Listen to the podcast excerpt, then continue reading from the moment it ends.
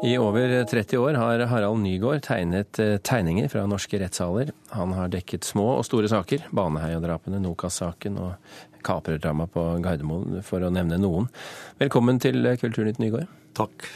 Har du i løpet av din 30 år lange karriere som tegner i norske rettssaler tenkt at du har et litt rart yrke? Ja, jeg har tenkt på det. Det er, det er jo litt spesielt. Det er det. Det er veldig spesielt, men òg veldig spennende.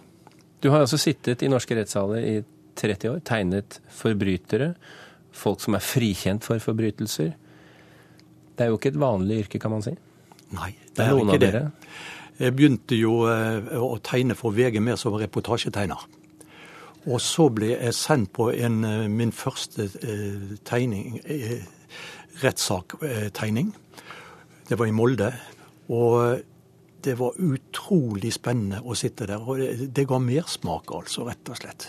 Så det der eh, syns jeg var så fantastisk, fordi at du, du må eh, lykkes med tegningen. Lykkes ikke du med tegningen, du har ikke sjanse for å gjøre det opp igjen. Hva skal til for å lykkes, da? Få frem nerven. Få frem eh, på- eh, likheten, bevegelsene. Og, men jeg syns at det å få, få nerve inn i tegningen, det er viktig. Hvorfor har vi egentlig rettstegnere? Det er fordi at eh, det er ikke, de har ikke lov å fotografere når retten er satt. Eh, Så, og, og derfor, men, men du får lov å tegne. Hvorfor er det sånn? Nei, det, det tør jeg ikke å gå nærmere inn på hvorfor det er sånn. Men det har jo vært eh, hevdet mange ganger at de skulle prøve å forandre på det, og at eh, tegnerne må stilles på samme måte som fotografene. Men eh, jeg er vel klar til det har ikke skjedd. Nei, Du har opplevd det en gang?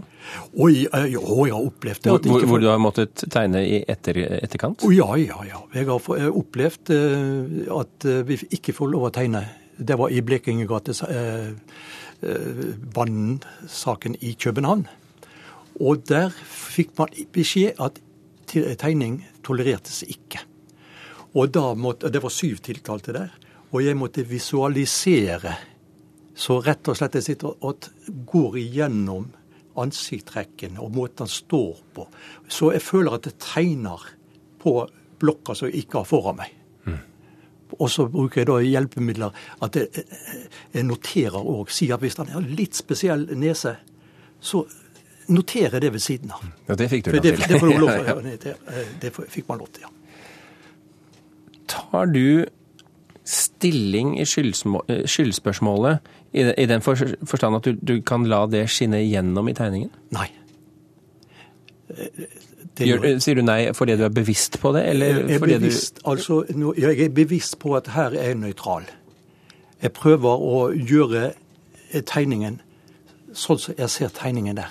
Eh, Sånn som jeg ser eh, personen. Eh, Så jeg tar ikke noe del i skyldspørsmålet. du men, men jeg går ut fra at du har sittet i så vidt mange rettssaler at det er noen du har mer sympati med enn andre?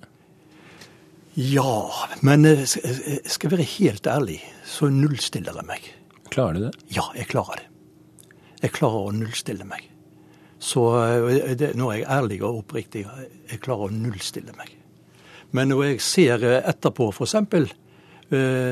Leser om saken, da tenker jeg på samme måte som hvilket som helst menneske. Men akkurat det å, når jeg sitter og tegner, da gjøre jobben min. For alle mennesker, alle, alle, eh, til og med tiltalte, tiltalte, det er jo mennesker.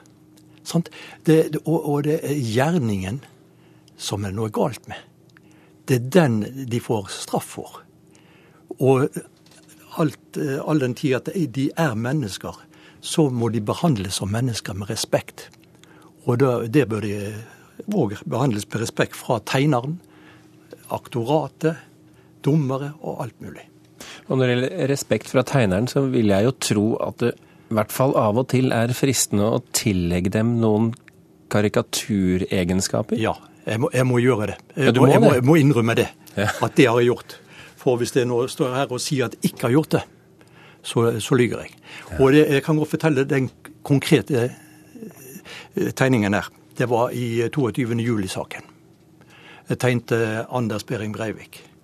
Og jeg, jeg prøver å være helt nøytral der, for, eh, men så så jeg det at eh, noen hårtrafser stakk opp midt på huet hans, og han var veldig eh, sånn Korrekt. korrekt. ja. Så måtte jeg rett og slett gjøre de litt mer drastisk.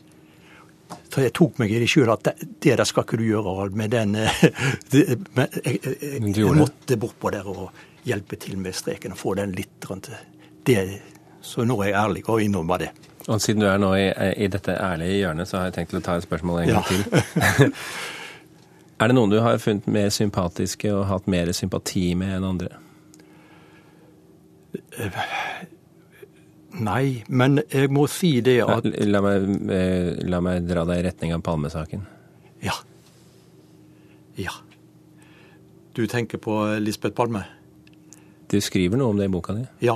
Jeg, eh, jeg følte det at eh, hun hadde en Jeg fikk ikke sympati for henne. Nei. Det gjorde jeg ikke. Jeg vil ikke gå inn på et, ting, men eh, jeg fikk ikke sympati for henne. Men Christer Petterson? Han, det, altså, der skinner igjennom at han har vært et menneske før eh, For- forfallet. Ja, forfall. Du omtaler Palmesaken som den største i ditt liv. Ja. Hvorfor det?